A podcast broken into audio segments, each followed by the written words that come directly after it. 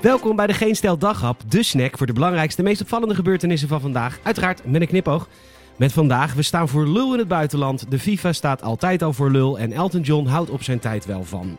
Enfin, mijn naam is Peter Bouwman en dit is het nieuws van dinsdag 16 maart.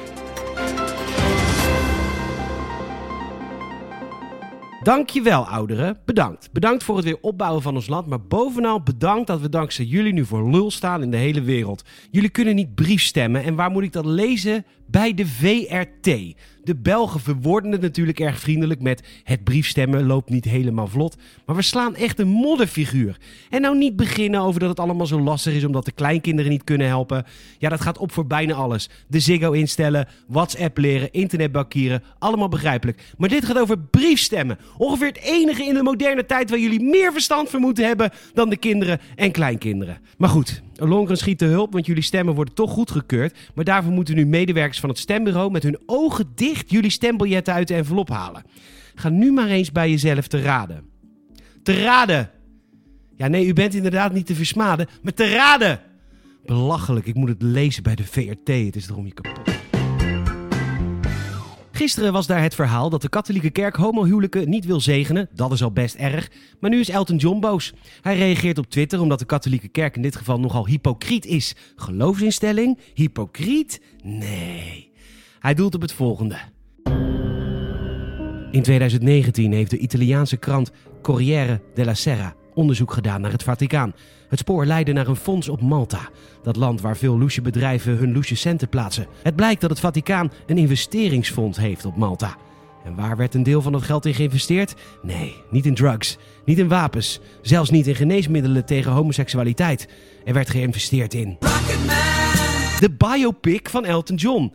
Hypocriet, schijnheilig en dus is Elton John boos. Maar wees niet bang, John, de paus staat steeds meer alleen in zijn opvatting hoor.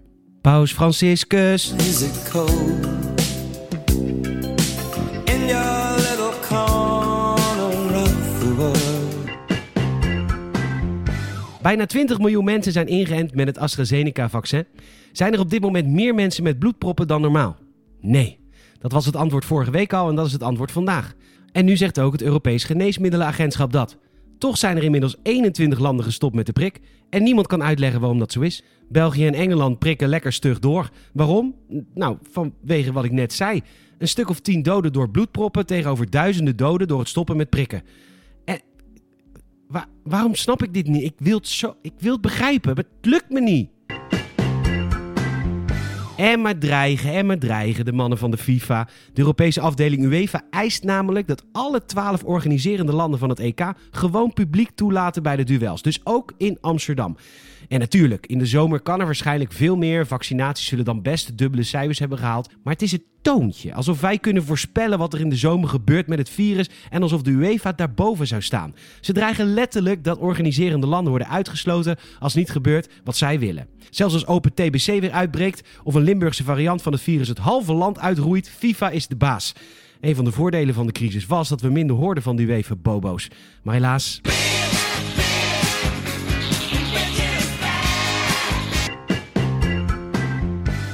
Ik heb een tip voor dagen met vervelend coronanieuws.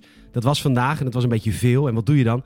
Dan ga je naar maurice.nl en dan lees je de genuanceerde versie van het dagelijkse zwaard van Damocles van het RIVM. Na het lezen voel je dan meestal rustiger en beter. En gelukkig is de grande monsieur van de Nederlandse pijlelarij, stemmenteller à lettre en enfant terrible van de talkshowtafels van de publieke omroep morgen te gast bij de Geen Stel Uitslagenavond. Die is vanaf 9 uur s'avonds via ons YouTube kanaal te bekijken.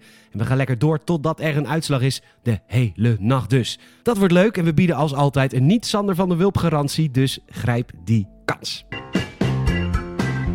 Bedankt voor het luisteren. Je zal ons enorm helpen als je een vriend of vriendin vertelt over deze podcast. En ook een Apple Podcast Review zouden we enorm waarderen. Morgen de verkiezingen. Spannend. Ga vooral stemmen. Bedankt voor het luisteren. Tot morgen.